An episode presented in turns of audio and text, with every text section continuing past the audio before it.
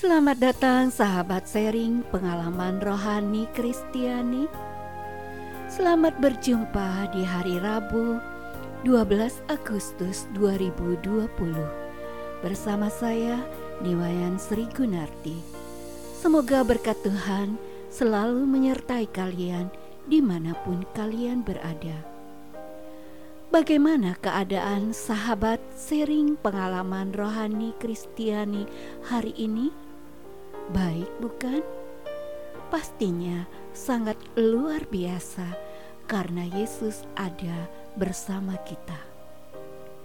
Bagi Anda yang memiliki pengalaman rohani yang berkesan, di mana Tuhan jamah, selamatkan, ataupun beri pertolongan, silahkan kirim di email saya srigunartiniwayan@gmail.com dan jangan lupa follow Instagram saya @niwayan underscore seri 70 Bila teman-teman sudah mengirimkan pengalaman cerita rohani kalian, saya akan membacakannya dalam podcast ini.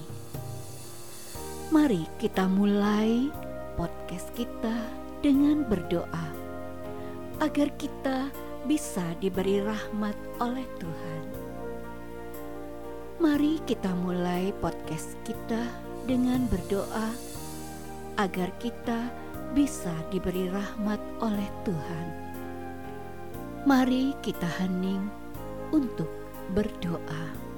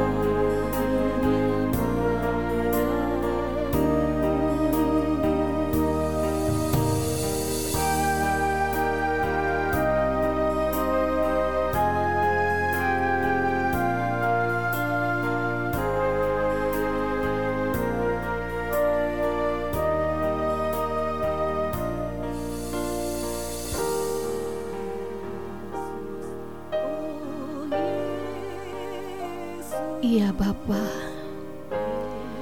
sungguh indah kasih-Mu yang kami rasakan dalam hidup kami.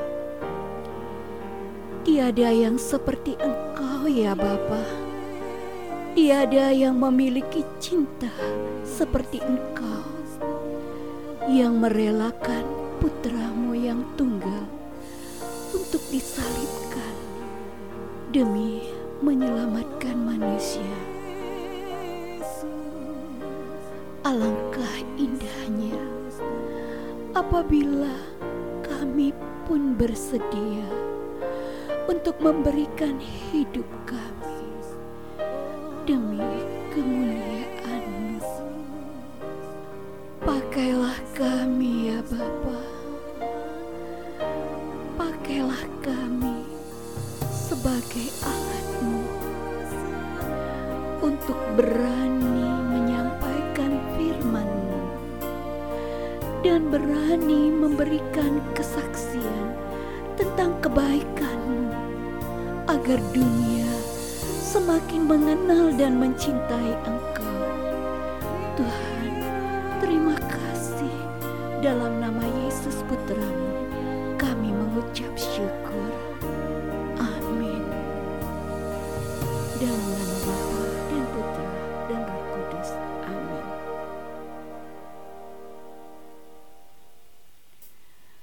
Pendengar podcast yang dikasihi Tuhan. Kali ini saya akan melanjutkan membacakan cerita pengalaman rohani Kristiani yang dikirim oleh Frater Florianus Bunda Hati Kudus sebagai lanjutan dari panggilan hidupku. Ini dia kisahnya. Panggilan hidupku bagian kedua. Saat surat rekomendasi itu saya ajukan pada orang tua saya. Papa dan mama saya mati-matian tidak mau menandatangani surat tersebut. Semua saudara kandung saya juga tidak setuju saya masuk biara. Akhirnya, tahun itu saya gagal masuk biara. Saya bergulat dengan keinginan saya yang begitu kuat untuk melayani Tuhan dan mempersembahkan hidup saya untuk Tuhan. Saya terus berdoa agar Tuhan memberi saya jalan keluar dan mengetuk hati orang tua saya agar saya diperbolehkan untuk masuk biara. Tahun berikutnya, saya melamar lagi ke kongregasi Bunda Hati Kudus. Karena melihat semangat saya yang luar biasa untuk masuk biara, mama papa angkat saya akhirnya menyetujui keinginan saya tapi orang tua kandung saya tetap tidak mau mengizinkan saya untuk masuk biara. Juga semua saudara kandung saya dan kakak kandung saya yang sulung mengatakan, "Kalau kamu masuk biara, saya akan keluarkan kamu dari struktur keluarga." Kami tidak akan menganggap kamu sebagai adik. Tapi saya tidak kecewa. Bagi saya yang terpenting, papa dan mama angkat saya sudah setuju. Saya siap menjalani hidup saya. Karena prinsip saya, ini adalah pilihan hidup saya Kekuatan saya pada saat itu adalah perkataan papa dan mama angkat saya yang mengatakan, "Kami hanya memiliki badanmu, tetapi jiwamu adalah milik Tuhan." Ketika saya masuk biara, saya dan saudara kandung saya tidak saling kontak. Mereka tetap tidak setuju terutama kakak sulung saya. Atas restu papa dan mama angkat, saya bulatkan tekad saya untuk masuk biara Bunda Hati Kudus di Maumere. Dari delapan orang yang masuk biara di Maumere, enam orang akhirnya dipilih untuk melanjutkan pendidikan di Malang termasuk saya. Ketika penjubahan, saya berkirim surat pada kakak sulung saya yang bekerja di dinas peternakan.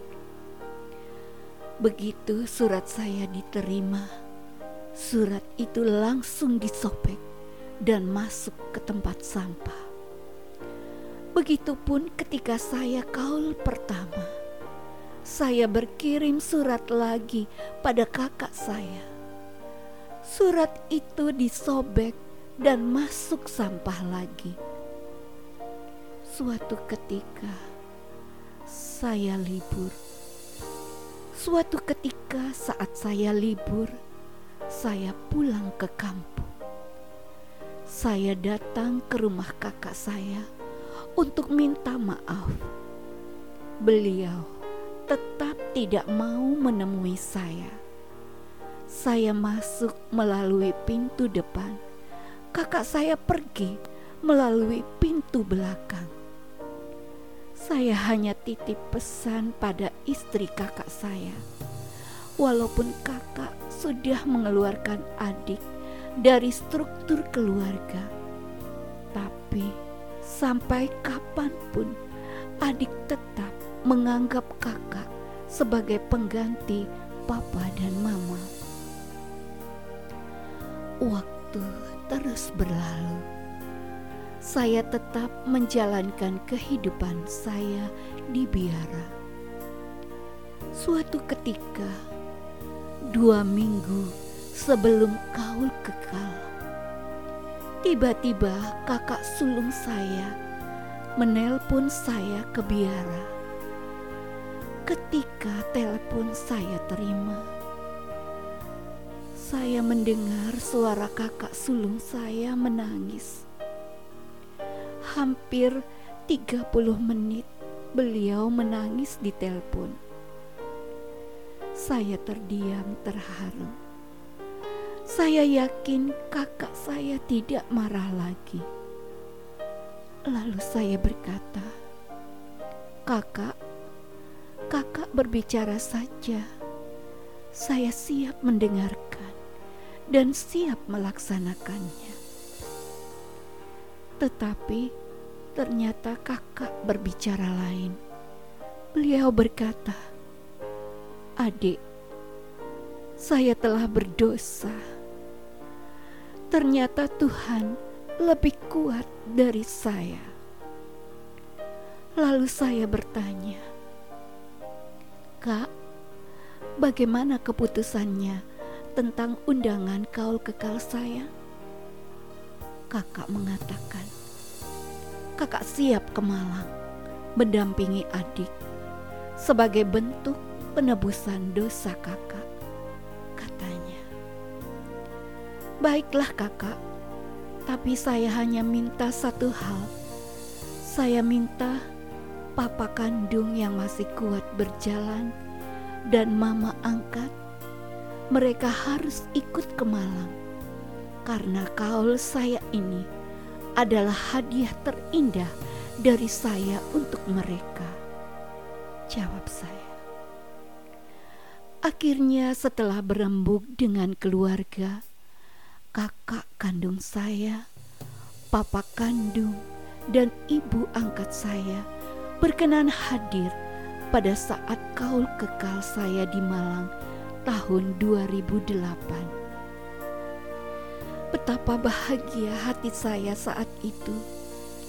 Mujizat Tuhan sungguh mengubah hati papa dan mama saya, juga saudara-saudara saya yang dulu menolak saya masuk biara, menjadi tulus merestui saya menjadi biarawan frater Bunda Hati Kudus saya betul-betul menyadari kalau Tuhan sudah berkehendak, apa pun itu tantangannya, pasti akan terjadi.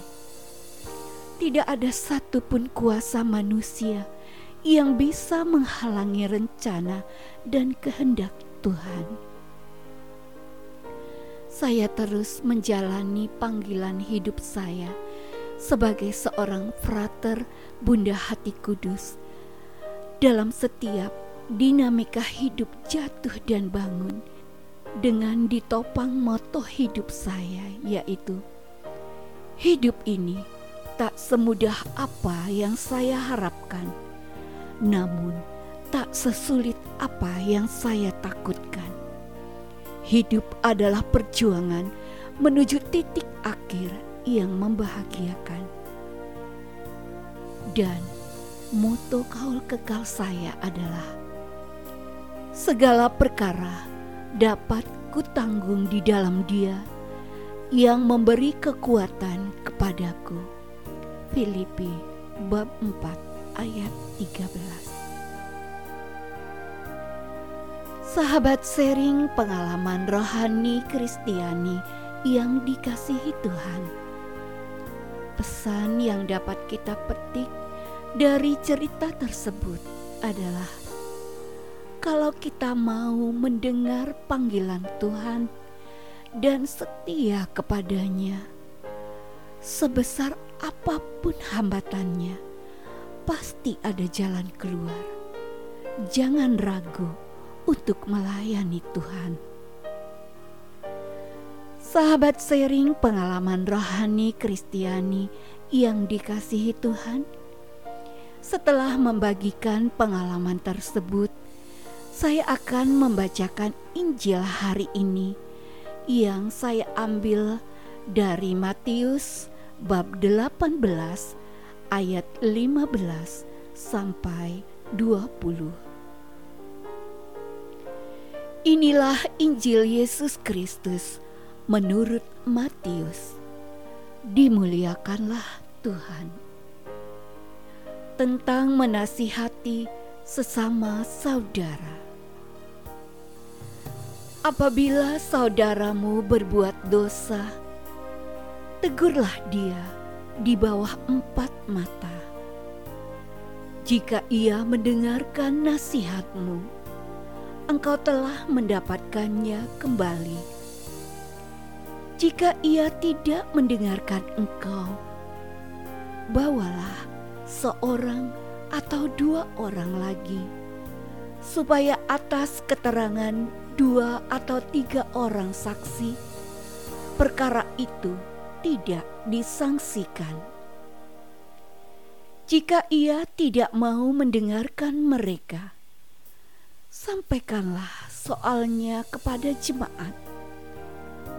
Dan jika ia tidak mau juga mendengarkan jemaat, pandanglah dia sebagai seorang yang tidak mengenal Allah atau seorang pemungut cukai.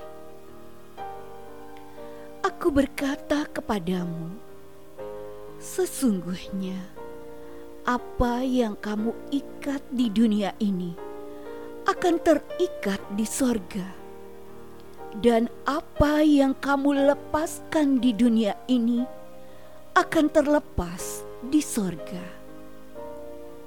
Dan lagi aku berkata kepadamu, jika dua orang daripadamu di dunia ini sepakat meminta apa pun juga, permintaan mereka itu akan dikabulkan oleh Bapakku yang di sorga. Sebab di mana dua atau tiga orang berkumpul dalam namaku, di situ aku ada di tengah-tengah mereka. Demikianlah Injil Tuhan. Terpujilah Kristus. Pendengar, saya akan pilih satu perikop yang berkesan di hati kita. Kita baca berulang-ulang sehingga menjadi berkat dalam hidup kita. Apabila saudaramu berbuat dosa, tegurlah dia di bawah empat mata. Jika ia mendengarkan nasihatmu, engkau telah mendapatkannya kembali. Apabila saudaramu berbuat dosa, tegurlah dia di bawah empat mata. Jika ia mendengarkan nasihatmu, engkau telah mendapatkannya kembali. Apabila saudaramu berbuat dosa, tegurlah dia di bawah empat mata. Jika ia mendengarkan nasihatmu, engkau telah mendapatkannya kembali. Apabila saudaramu berbuat dosa, tegurlah dia di bawah empat mata. Jika ia mendengarkan nasihatmu, engkau telah mendapatkannya kembali. Apabila saudaramu berbuat dosa, tegurlah dia di bawah empat mata. Jika ia mendengarkan nasihatmu, engkau telah mendapatkannya kembali. Sahabat setia, sharing pengalaman rohani Kristiani. Mari kita akhiri podcast ini dengan doa penutup. Dalam nama Bapa dan Putra dan Roh Kudus. Amin. Ia Allah, Ia Bapa. Kami begitu tersentuh mendengarkan pengalaman rohani dari saudara kami, Frater Florianus BHK. Semoga pengalaman ini menjadi kekuatan bagi kami untuk terus mencintai Engkau di dalam hidup kami. Berkati Frater Florianus BHK ya Bapa. Semoga kau kuatkan panggilan hidupnya. Dan semoga beliau setia melayani engkau di dalam suka duka hidupnya. Ketuklah hati kaula muda agar mereka pun mau menanggapi panggilan hidupnya dengan tulus hati. Berkati kami yang mendengarkan sharing pengalaman ini, agar kami berani bersaksi tentang Engkau, sehingga banyak orang yang semakin mengimani Engkau di dalam hidupnya. Amin. Demikianlah sahabat podcast sharing pengalaman rohani Kristiani hari ini. Bagi Anda yang memiliki pengalaman rohani Kristiani, silahkan kirim di email saya. Saya Niwayan Sri Gunarti, pamit undur diri. Terima kasih dan Tuhan Yesus memberkati.